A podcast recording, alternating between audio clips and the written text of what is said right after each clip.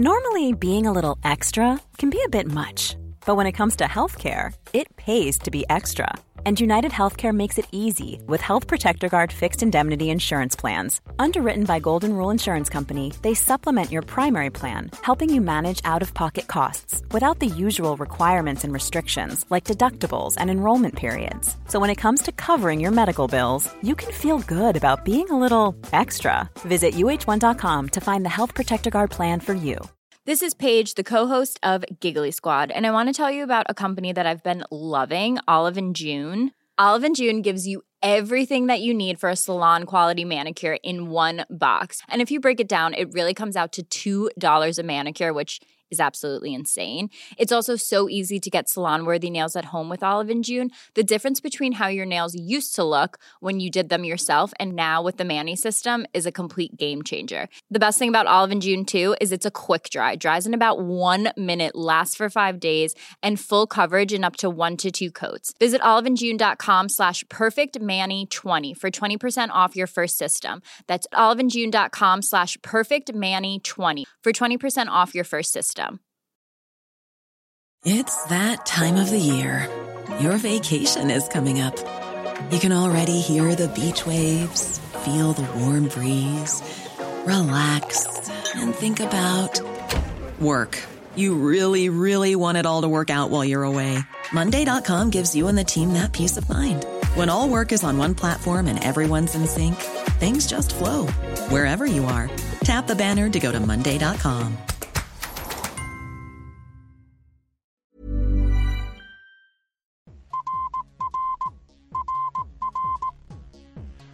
Sveriges statsminister Olof Palme är död.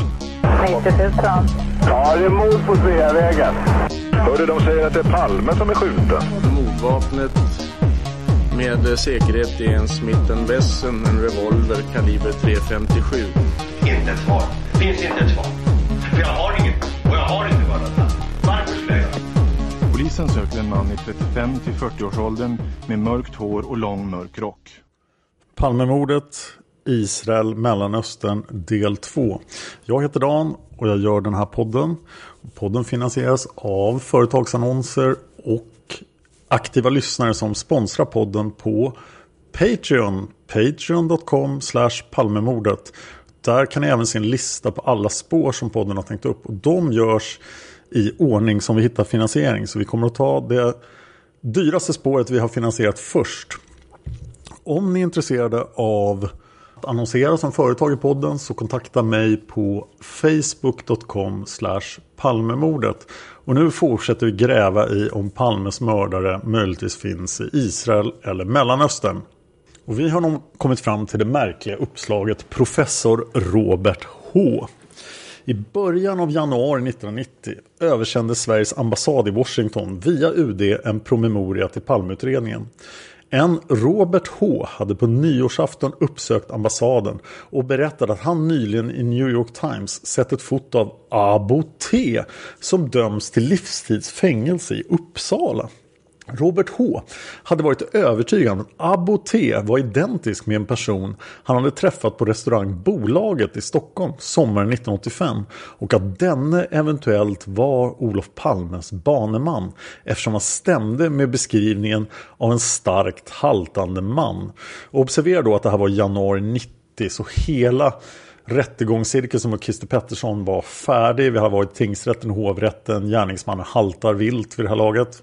Sommaren 1985 hade Robert H befunnit sig i Stockholm för ett forskningsprojekt efter inbjudan från Sipri.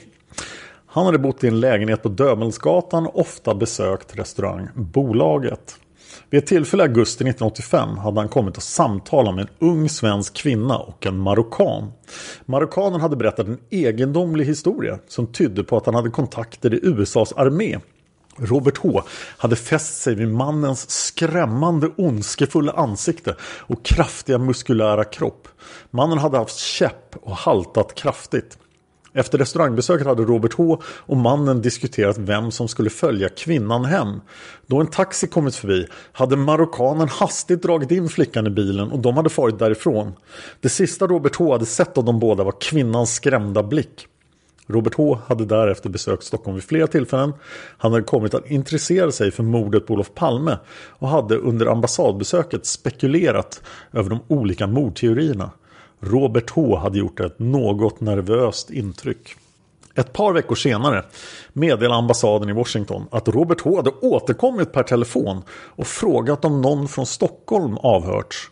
Han har också berättat att han nu vänt sig till FBI som ju ingenting begriper i saken. Robert H hade varit övertygad om att hans instinkt var den rätta och att han hade en väsentlig pusselbit när det gällde att lösa Palmemordet. Han hade uttryckt att han var rädd för att någon skulle snuva honom på belöningen. I början av februari 1990 kontaktade Conny W Palmeutredningen. Hon hade haft ett samtal med professor Robert H vid Pennsylvania State University. Robert H hade berättat intressanta uppgifter om den i Uppsala misstänkte och dömde terroristen Abo T. Conny W lämnade telefonnumret till Robert H i USA. I mitten av februari 1990 fick Palmeutredningen information från USAs ambassad i London via Interpol. I början av januari samma år hade en hemlig källa anställd på universitetet i Pennsylvania kontaktat FBI. Källan hade haft information som han trodde var av betydelse för utredningen om mordet på Olof Palme. Källan var professor i ett humanistiskt ämne och expert på Mellanösternaffärer. Han hade de senaste åren intresserat sig för Palmemordet. Under 1989 hade han läst i New York Times om undersökningen av Lockerbie-katastrofen och att Abo T misstänktes för inblandning. Källan trodde att det var möjligt att denne Abo T också hade mördat Olof Palme. Källan hade därefter berättat om en händelse på en restaurang i Stockholm sommaren 1985. Och det sägs inte i uppslaget, men det ligger naturligtvis nära till hands att den här källan var Robert H. I slutet av februari 1990 fick Robert H per telefon för första gången direktkontakt med en utredningsman vid Palmeutredningen. Robert H berättade om händelsen i augusti 1985 och om fotot av ABT i New York Times. I slutet av mars 1990 kontaktade Robert H på nytt Palmeutredningen per telefon. Han hade förevisats några nytagna foton av Abo T och de överensstämde inte med det i New York Times publicerade fotot. Enligt en artikel i New York Times om Lockerbie-katastrofen skulle Abo T ha kommit till Sverige på ett falskt marockanskt pass. Robert H trodde att tidigare publicerade bilder kom från passfotot Abo använt sig av när han tagit sig in i Sverige. Han påpekar att han inte trodde att fotot i det passet föreställde Abo Tidigare hade Robert H också fått veta att Abo var 175-177 cm lång. Men mannen Robert H hade träffat var enligt Robert H längre, cirka 180-185 cm lång. Robert H sa sig trots det vara säker på att mannen hade mött var samma person som han sett i tidningen i New York.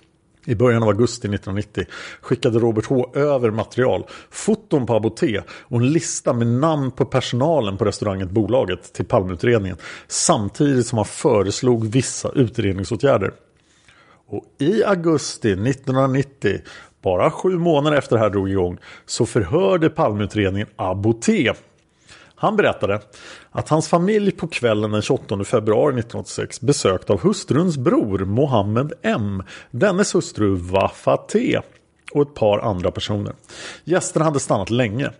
Tidigt morgonen därpå skulle han åka till Cypern. Han hade fått skjuts till flygplatsen av Mohammed M. Men flyget var inställt. Varför de återvänt till hemmet. Han hade efter några timmar väckts av hustrun som berättade om mordet på Olof Palme. De hade blivit upprörda. Han avreste samma kväll till Cypern där han vistats en vecka innan han besökt släktingar i Egypten.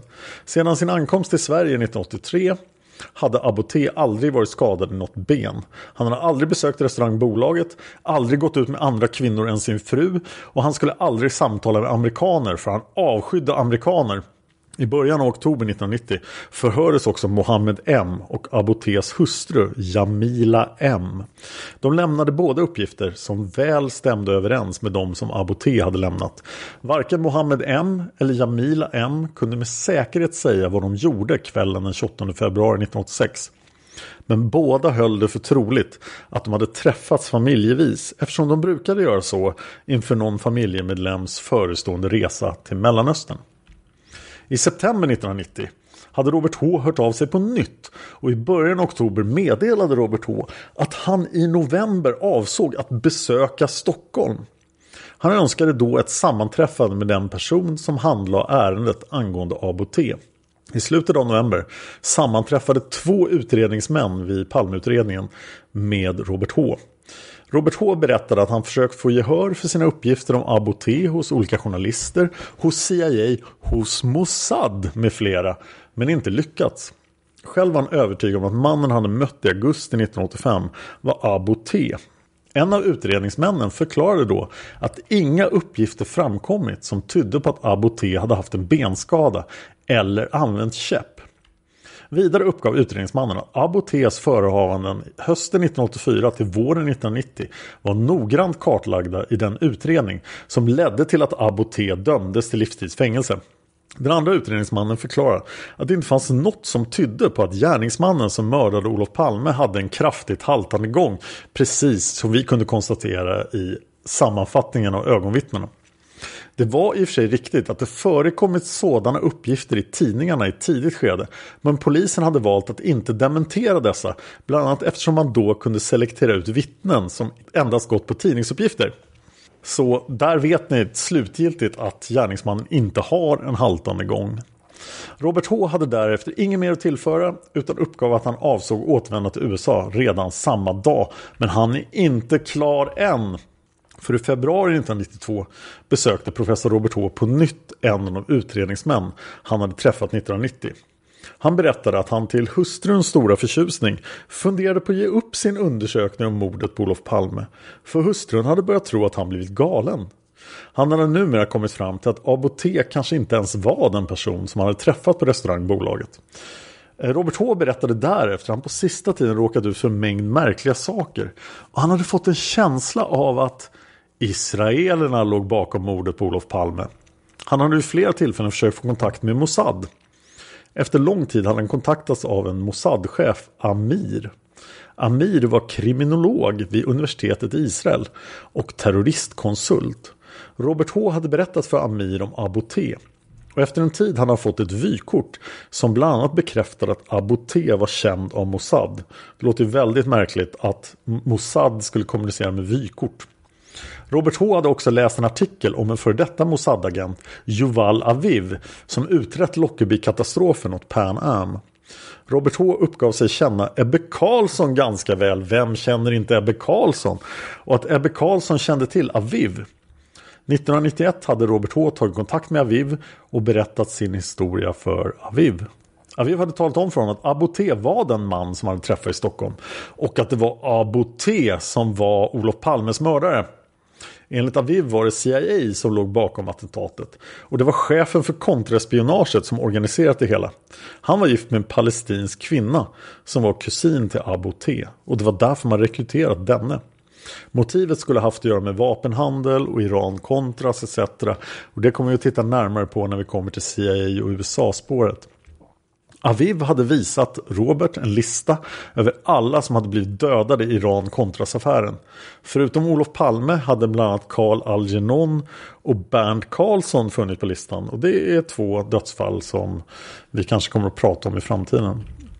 Kontentan av Avivs berättelse var, enligt Robert H, att Olof Palme dödats av CIA på grund av ett spionfall.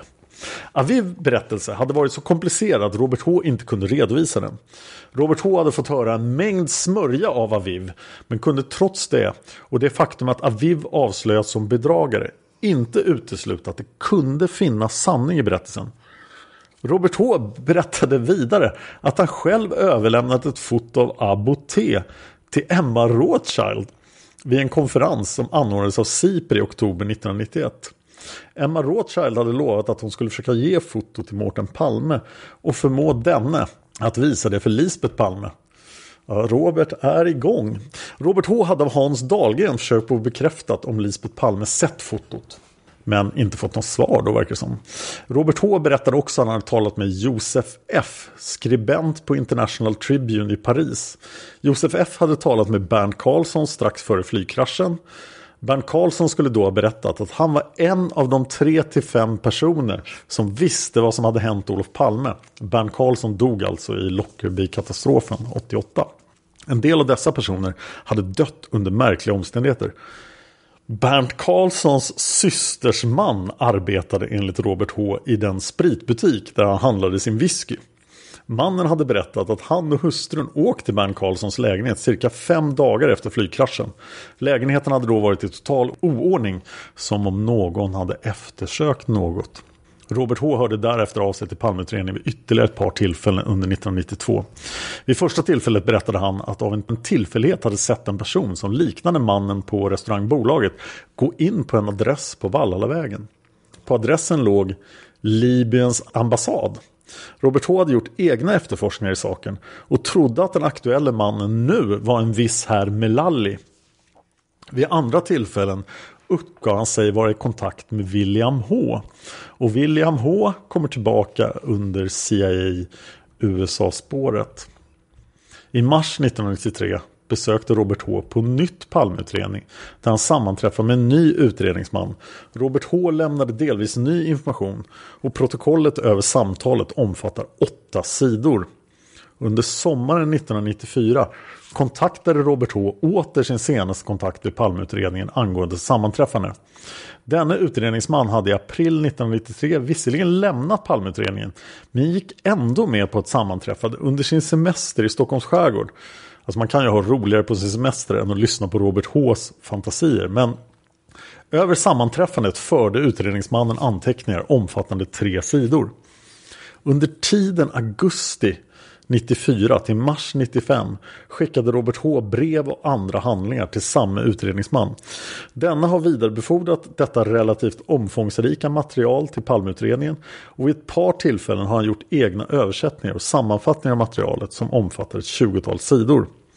Och efter mars 1995 har Robert H inte avhörts.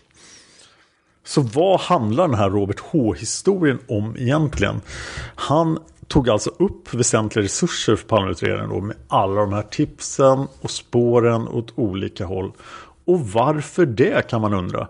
Ja, antingen var han helt enkelt en privatspanare som hade viss influens eftersom han var amerikan och han var professor så lyssnade Palmeutredningen. Men det finns en annan teori om Robert H. Och den kommer från privatspanaren Anders Leopold. Anders Leopold har i många år drivit en sida som heter leopoldreport.com. Den kan jag rekommendera väl. Där finns mycket att läsa om Palmemordet. Och där kan man hitta en artikel som heter Informationssvindlare nummer ett. Professor Robert H. Den är skriven av Anders Leopold, John Andersson och Tony Widing. Och den kommer från 22 februari år 2000. Jag läser ingressen. När en underrättelsetjänst slår till i ett statsdirigerat mord är allt väl förberett. Det har i god tid planerats för spridande av desinformationsspår före, under och efter mordet. En rad personer träder fram som informationssvindlare. Mordet på Olof Palme präglas av desinformation och informationssvindel som i ett tidigt skede fick mordutredningen att haverera. Vi börjar med den helt unika infallsvinkeln att vi avslöjar informationssvindlarna som ingått i konspirationen. De kan knytas direkt till den amerikanska underrättelsetjänsten. Därmed kan vi bevisa att mordet på FNs fredsmäklare och Sveriges statsminister den 28 februari 1986 var en statskontrollerad operation och sannolikt den allvarligaste och fortfarande icke avslöjande delen av det som senare blev känt som Iran-Contras-affären. Lite senare i artikeln det har visat sig omöjligt att komma vidare från Sveavägen där det nästan inte fanns några konkreta spår som kunde följas och ge resultat. Samtidigt omfattar undersökningsmaterialet en lång räcka internationella element. Dessa två förhållanden fick oss att tänka på möjligheten av ett statsdirigerat mord där ett typiskt kännetecken är att hålla brottsplatsen i närmaste kemiskt ren från spår som kan följas. Jag hoppar i artikeln igen. Därefter följde vi samma metod för perioden efter mordet för att se om det förelåg planerat efterarbete som kunde vara en naturlig del av ett statsdirigerat mord. Med särskild tanke på en eventuell amerikansk operation sökte vi speciellt efter desinformation från liknande operationer i världen. Det blev dubbelt intressant när det visade sig vara samma producenter av desinformation nästan varje gång sedan många år tillbaka. Och de dök upp också efter Palmemordet. Vi presenterar i den här artikelserien och alla artiklarna finns på leopoldreport.com den snabbaste och säkraste vägen till att fastslå en internationell konspiration. Desinformation riktad direkt mot palmutredningen. Det är uppenbart att granskningskommissionen jobbat mycket med att utvärdera vittnesmål som visade sig vara vilseledande för mordutredningen. I motsats till palmutredningen har granskningskommissionen icke slagit sig till ro med detta. Granskningskommissionen har också förstått att desinformation kan vara ett spår i sig själv. Således har granskningskommissionen stämplat ett antal personer som informationssvindlare, vilket borde ha undersökts extra noga just i denna egenskap. Konsekvensen är att svindlarna fick som de ville. Palmeutredningen fördes bakom ljuset. Man kastade bort många års arbete som kunde använts bättre. Just detta är ett tydligt tecken på efterarbetet efter ett statsdirigerat mord. Jag hoppar i artikeln igen. Vi har valt ut tre amerikanska informationssvindlare i mordutredningen som vi bearbetade i detalj både före och efter mordet för att se om de kan knytas samman, om de ingår i en konspiration, om de kan knytas till hemliga underrättelsetjänster i USA. Vi har vidare analyserat Palmeutredningens arbete i förhållande till dessa informationssvindlare. Det visar sig att det inte minst på grund av FBIs uppträdande i förhållande till svenska myndigheters försök att undersöka och utreda dessa att desinformationskampanjen de tre ingick i blev så lyckad. Vi har full förståelse för att svenska myndigheter bad FBI om hjälp sedan CIA från dag ett varit mycket behjälplig med utredningen också i Stockholm. Lägligt nog befann sig experter på buggning och avlyssning i Stockholm vid den här tidpunkten. Aftonbladet skrev att Säpo utfört avlyssning av en rysk diplomat i samarbete med CIA. Citat från Aftonbladet. Den amerikanska underrättelsetjänsten CIA hjälpte Säpo med buggningen av den ryske diplomaten.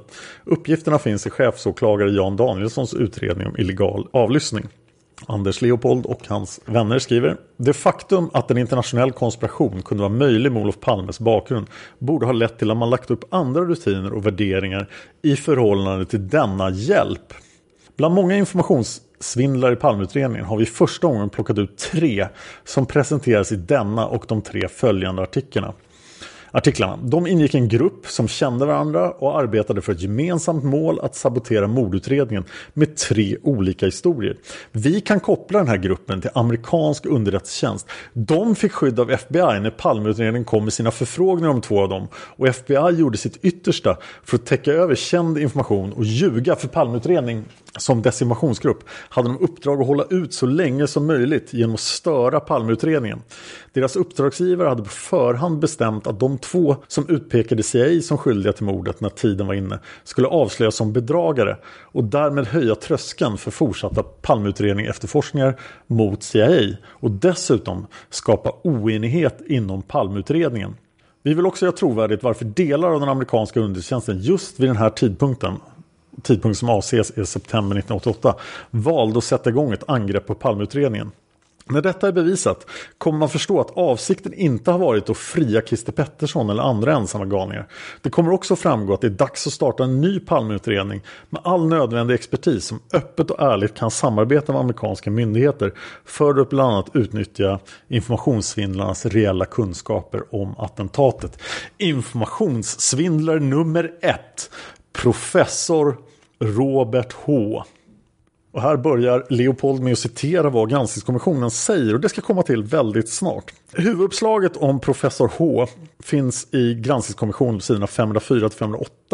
Av det framgår att han fick hålla på med sin verksamhet från januari 1990 till mars 1995. Det ska uppfattas som att en amerikansk professor drivit omfattande desinformation riktad mot Palmeutredningen och Sverige i mer än fem år. Men vem är då denne man? Vi har undersökt honom grundligt och speciellt hans CV väckte verkligen vårt intresse. Robert H var professor vid Pennsylvania State University, en av delstatens två största universitet. Hans bakgrund och arbete är så omfattande och imponerande att det med en gång framgick att det inte är en typisk lögnare och bedragare vi har att göra med. Vad fick en man med så stort förtroende och så solida kunskaper att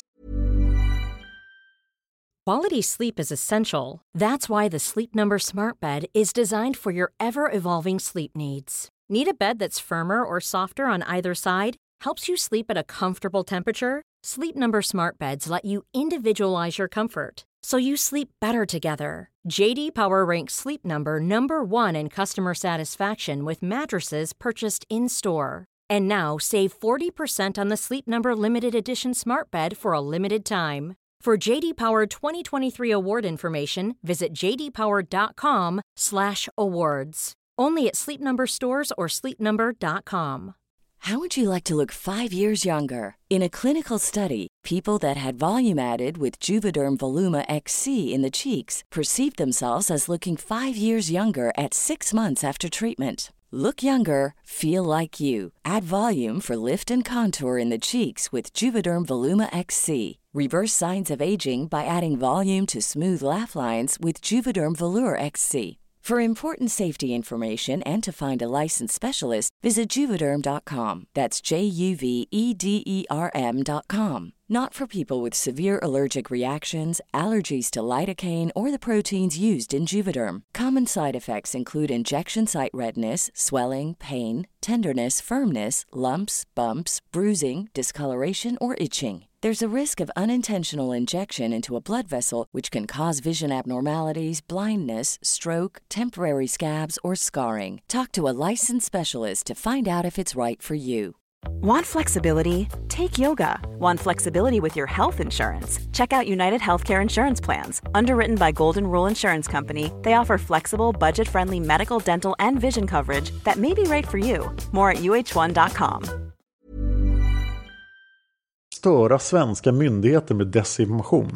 Här är ett urval från hans CV och andra källor som klargör hans generella profil, förbindelser och obegränsade förtroende inom alla olika organ inom försvaret och säkerhet.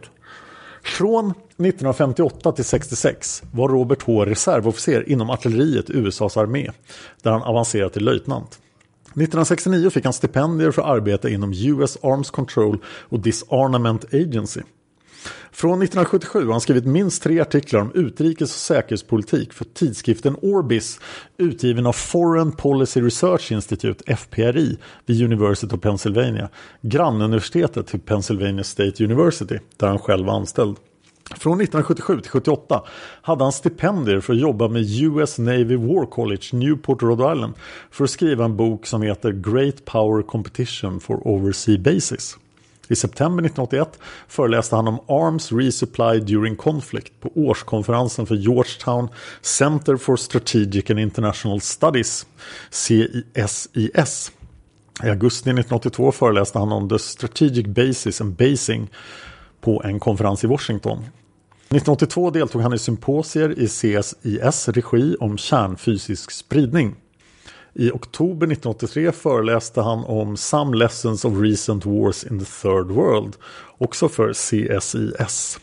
Från 1982 till 83 var han Visiting Research Professor vid US Army College Strategic Studies Institute i Carlisle. Från 1983 till 84 arbetade han på ett stipendium från Strategic Institute US College för att leda en konferens som kallades The Lessons of Recent Wars in the Third World, alltså aktuella krig i den tredje världen. Och skulle ge ut en bok i samband med det. 1985 var han mycket riktigt i Stockholm för ett forskningsprojekt efter inbjudan från SIPRI. Och SIPRI är alltså Stockholm International Peace Research Institute. Och det här finansierades med ett stipendiat från Fulbright. 1985 var han en av redaktörerna för antologin The Lessons of Recent Wars in the Third World. Och 1987 samma publikation med tillägget Comparative Dimensions. 1989 gav SIPRI ut professor Robert Hs bok The Global Foreign Military Presence. Och 1990 ingick hans bidrag i the United States Coping Without Bases in Europe. Och han fortsätter med liknande verksamhet ända fram till sommaren 2005. Åter till Leopold då. CVn visar att professor Robert H genom hela sin karriär var starkt integrerad i hela det amerikanska militära säkerhetspolitiska etablissemanget. Hans fokus fokuseras på konflikter och krig i den tredje världen, så kallad lågintensitetskrigföring, psykologisk krigföring ur en officiell amerikansk aspekt. Detta arbete har baserats på informationen från och arbete för de militära och civila amerikanska underrättelsetjänsterna. Det är därför orsak att tro att professor Robert H haft tillgång till de allra största hemligheterna inom det amerikanska försvars och säkerhetsetablissemanget. Han har från början till slutet arbetat med samma saker som Olof Palme har sysselsatt med, men från motsatt infallsvinkel. Palme och den svenska neutraliteten har med största säkerhet varit ett tema och ett problem i många av professor Robert Hs föredrag och redogörelser. Det är bara i Sverige som professor Robert H arbetar med fredsfrågor. Om Robert H uppriktigt trodde han hade något att bidra med för att klara upp Palmemordet skulle hans bidrag med tanke på hans bakgrund naturligtvis ha varit välgrundat och yrkesmässigt genomarbetat och kvalitetssäkrat. Men detta står i stark motsättning till vad granskningskommissionen skriver beträffande professor Robert Hs besök den 31 december 1989 på Sveriges ambassad i Washington. Och det har ni redan hört. Professorns närmande till Palmeutredningen skedde från början i huvudsak via mellanhänder, svenska ambassaden i Washington och USAs ambassad i London och via Interpol och kollegor innan han etablerade direktkontakt. Professor Robert H besökte Sverige flera gånger. Ett uppehåll på Sipri sommaren 1985 gör mannen ännu intressantare sedan Sipri troligen var den svenska institution som visste mest om Palmes tankar och planer. På den tiden befann sig också Emma Rothschild på Sipri. Hon var en engelsk fredforskare som ofta bodde i Stockholm och ansågs ha ett förhållande till Palme. Bland annat ville Palme utnämna henne till chef för Sipri men drog tillbaka förslaget på grund av motstånd. Hon var också ressällskap och sekreterare vid ett antal internationella möten där Palme spelade en central roll. Granskningskommissionen upplyser om att professor Robert H senare tog kontakt med henne. Detta kan ha varit led i hans desinformation och underrättelseuppdrag. Bland annat överlämnades foto till henne på en marockan, Aboté, som Robert H kunde tänka sig var Palmes mördare. Han ville att Lisbeth Palme skulle se fotot för att jämföra med personerna hon sett på Västerlånggatan dagarna före mordet. Professor Robert Hall deltog 1991 i en SIPRI-konferens tillsammans med Emma Rothschild. Om Lisbeth sett fotot är okänt. Professor Robert H har också vid sina kontakter med Palmeutredningen påstått att han kände Ebbe Carlsson mycket väl. Om han den vägen också bidragit till att hålla liv i PKK-spåret är okänt. Sen finns det ytterligare två artiklar från Leopold om två andra informationssvindlare men de ska jag komma tillbaka till när vi kommer till de uppgifterna. Granskningskommissionen själva är inne på liknande tankar om Robert H och skriver på sid 687. Uppslaget om Robert H talar för sig självt. Robert H måste rimligen betraktas som en informationssvindlare och har i denna egenskap fått uppta ett allt för stort utrymme. Palmutredningen hade på ett ganska tidigt stadium kunnat avföra hans uppgifter. Istället har man fört långa samtal med honom och därmed belastat utredningen. I detta fall, liksom beträffande andra informationssvindlare, efterlyser vi från polisens sida mer professionell bedömning angående uppgiftslämnarens informationskapacitet, tillförlitlighet och trovärdighet. Och nu har vi kommit till det andra stora uppslaget som berör Israel och Mellanöstern. Och det handlar om en palestinsk grupp i Sverige. Avsnittet till omfångets näst största upplag rör delvis samma omständigheter som uppslaget angående Robert H och Dennis uppgifter. Bland annat omtalas Aboté och dessutom förekommer Stefan M som vi redan pratade om i förra avsnittet från uppslaget Män på kafeteria i Malmö. I augusti 1989 kontaktades Palmeutredningen av personal på Kronobergshäktet.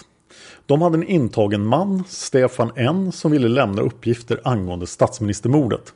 Stefan N berättade att en palestinsk grupp i Sverige låg bakom mordet på Olof Palme. Gärningsmannen var död och han hade varit ombord på det flygplan som sprängdes över Irland sommaren 1989. Den som planerat mordet var ledaren för gruppen, Kali C. Kalisé drev restaurang Flagstaff i Frihamnen. Gruppen bestod av sju namngivna personer. Under oktober gjordes registerslagningar på samtliga uppslaget förekommande personer. Flera av dem var tidigare dömda för våldsbrott och tillgreppsbrott. I februari 1990 kontaktades Palmeutredningen av Stockholmspolisen som då handlade en anmälan om grov misshandel mellan palestinier. I det materialet fanns uttalanden som tydde på att de inblandade männen kunde vara terrorister. Härefter gjorde Palmeutredningen registerslagningar avseende de personer som varit inblandade i misshandeln. I samband härmed gjordes också en registerslagning på Aboté. Aboté hade under 1989 dömts för medhjälp till mord, försöks till mord och allmänfarlig ödeläggelse till livstidsfängelse. I en promemoria troligen från 1993 redovisas en viss sammanfattande utredning i uppslaget. Men där fanns det inte så mycket mer. Sen vill granskningskommissionen Granskningskommissionen tycker att det här uppslaget är illustrativt. Och det handlar om Jokob M. I april 1986 infördes en palestinier som skulle utvisas från Sverige till polisen. Palestinien, som kallade sig för Jokob M, misstänktes för att uppehålla sig i Sverige under falsk identitet. Enligt handläggaren på utlänningsroten hade mannen dödat minst 15 personer i Beirut, däribland kvinnor och barn. Han skulle också vara sprängutbildad och uppträda iskallt. Han hade gått i någon form av behandling till och med den 28 februari 1986. När han omhändertogs av polisen hade han en tidningsbild med Olof Palme inringad på sig. I en promemoria daterad i början av september 1986 redogjorde Säkerhetspolisen för handläggningen. I samband med att Jokom M infördes till polisen hade Marita M hört av sig. Marita M kände Jokob M väl. I slutet av augusti 1986 förhördes hon av Säkerhetspolisen och hon trodde att Jokob M fanns kvar i Sverige. Ett par dagar efter förhöret med Marita M kontaktade en socialsekreterare Säkerhetspolisen och berättade att hon hade Jokob M hos sig. Via tolk uppgav Jakob M att han blivit kallad till förhör i april 1986. Han hade då tagits i förvar på grund av ett utvisningsbeslut. Efter 8-9 dagar hade han släppts. Han hade ringat in Olof Palme på en tidningsbild som ett minne av denne. Jakob M uppgav sig vara gift med Antwanet K som bodde i Spånga. Enligt socialsekreteraren hade regeringen avslagit Jakob M's ansökan om uppehålls och arbetstillstånd den 6 februari 1986. Men beslutet hade delgivits Jakob M på morddagen, det vill säga den 28 februari.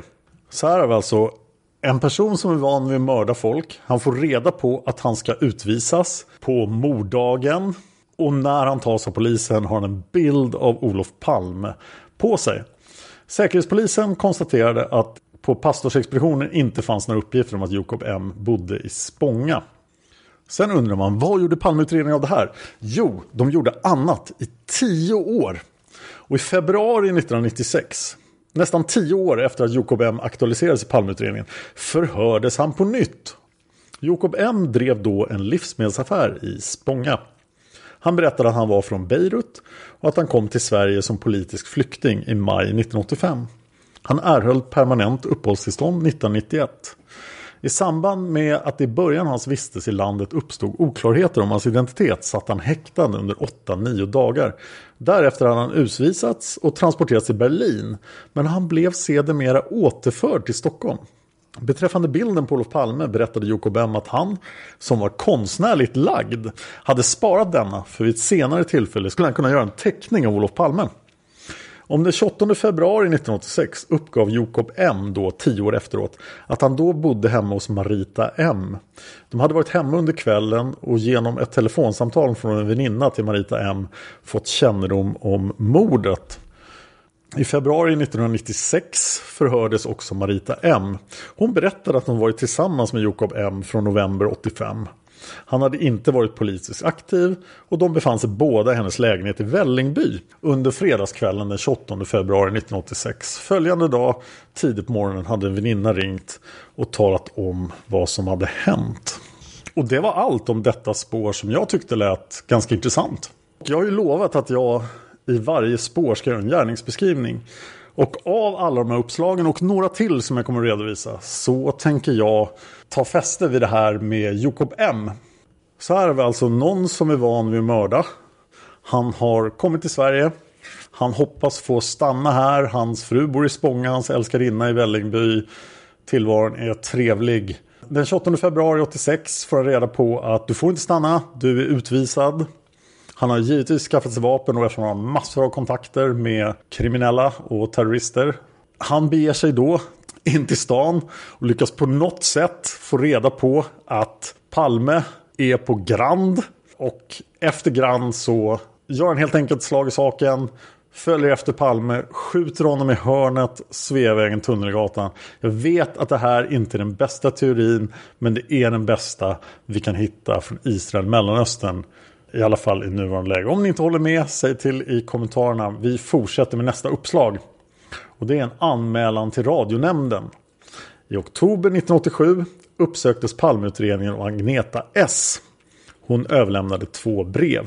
Den ena var en kopia av en anmälan som Agneta hade gjort till radionämnden i april 1983.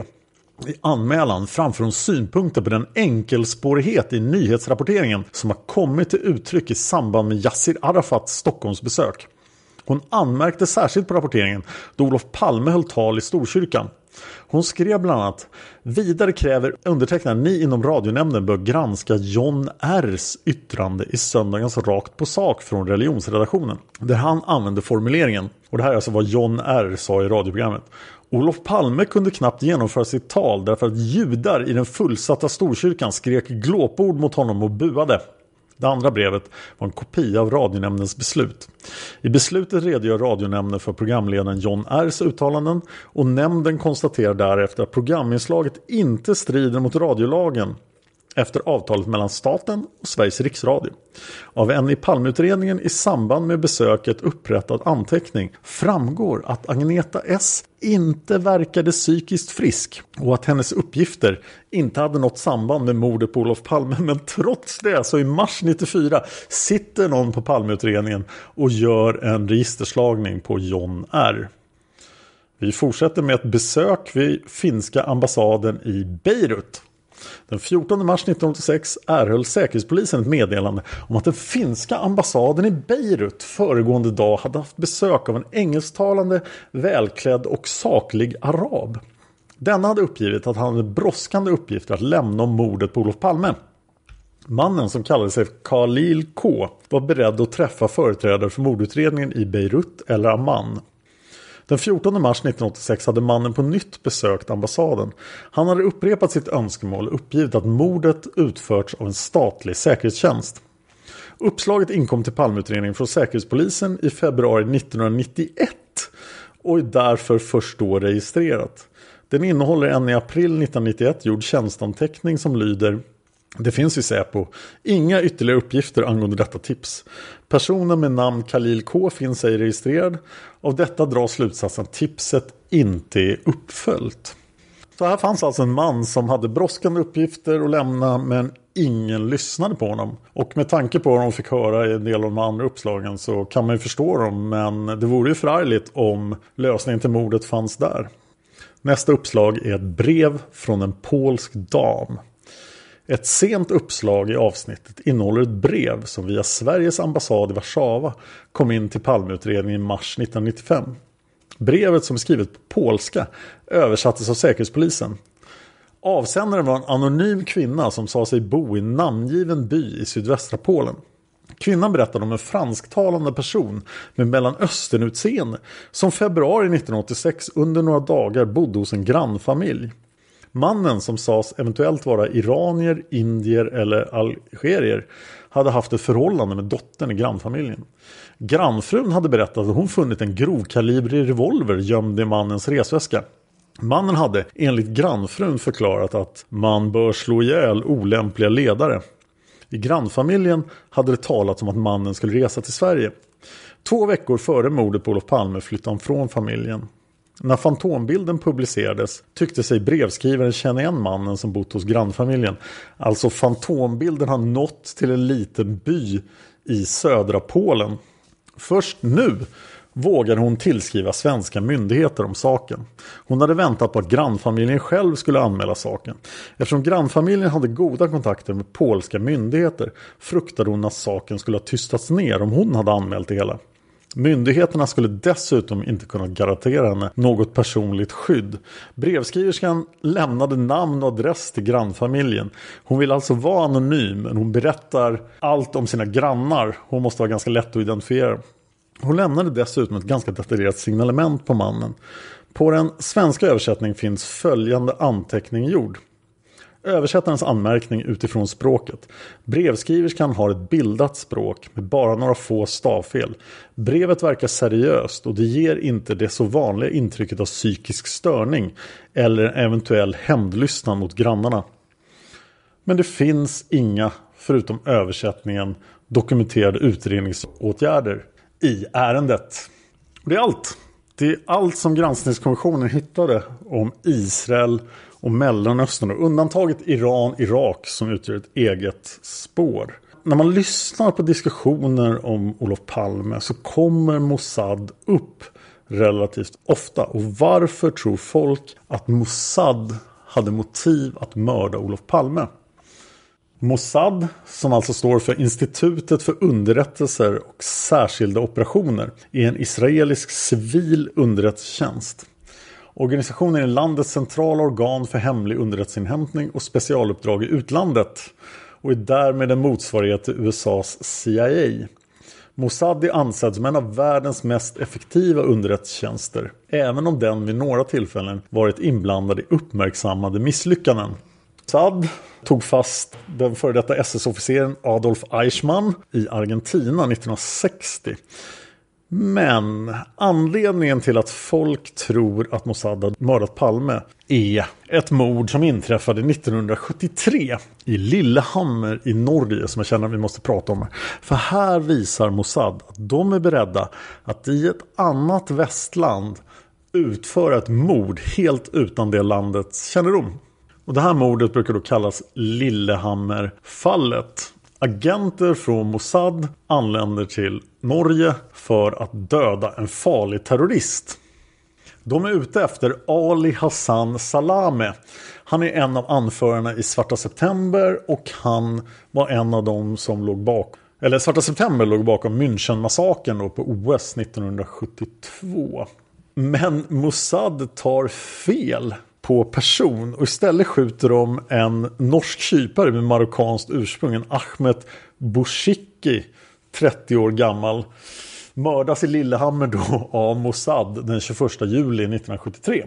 Och bredvid den stackars Ahmed promenerar då hans gravida norska hustru men hon blir inte skadad. Mossad tror att de har mördat rätt kille men sen ska de lämna då Norge och då grips de av norsk polis. Två av Mossad-agenterna åker fast nästa dag. Norsk polis började utreda och hittade ett nätverk av israeliska agenter. Och sammanlagt deltog 15 Mossad-agenter i planeringen och genomförandet av det här mordet. Av dessa griper norska polisen sex stycken och fem av dem döms i hovrätten den 1 februari 1974. Fyra av de åtalade dömdes för medhjälp till mord och en frikändes från mord men dömdes på andra åtalspunkter. En åtalad frikändes på alla punkter Mike Harari, eller Mike Harari, som var ledaren, han lyckades fly till Israel och Israel vägrade lämna ut honom till Norge. Norska polisen lyckades aldrig lista ut vem det var som höll i vapnet. De kom fram till att ingen av de som dömdes i rätten hade varit på mordplatsen. Men däremot då deltagit i planeringen av mordet. Och så vitt jag förstår är det här det som får folk att tro att Mossad ligger bakom Palmemordet. Om ni har några bra spår eller mer att berätta om Mossad så kontakta mig så ska jag ta upp dem. Men det här är vad jag och vad granskningskommissionen har hittat. Sen finns det ju förstås ett generellt högerextremistiskt internationellt spår där Mossad gärna är med på ett hörn. Men det kommer vi återkomma till i CIA USA. Palmemordet finns på Facebook och YouTube. Bara söka på Palmemordet. Jag ser gärna att ni går in och prenumererar och gillar. På Youtube lägger jag upp en hel del extra material från Palmevandringen i februari till exempel och bilder från mordplatsen. Jag vill jättegärna ha iTunes-recensioner om ni lyssnar på den här podden på en Apple-plattform. För iTunes-recensioner gör att fler personer hittar podden. Jag vill tacka Lukas för intromusiken jag använt i det här avsnittet. Och jag vill tacka er för att ni lyssnar på Palmemordet. Man hittar Palmes mördare om man följer PKK-spåret till botten. För att ända sedan Julius Caesars tid har jag aldrig hört talas om ett mord på en framstående politiker som inte haft politiska skäl. Polisens och åklagarens teori var att han ensam hade skjutit Olof Palme. Och det ledde också till rättegång. Men han frikändes i hovrätten.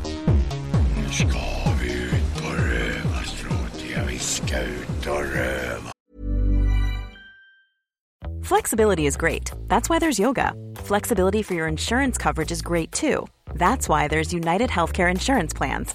Underwritten by Golden Rule Insurance Company, United Healthcare Insurance Plans offer flexible, budget friendly coverage for medical, vision, dental, and more.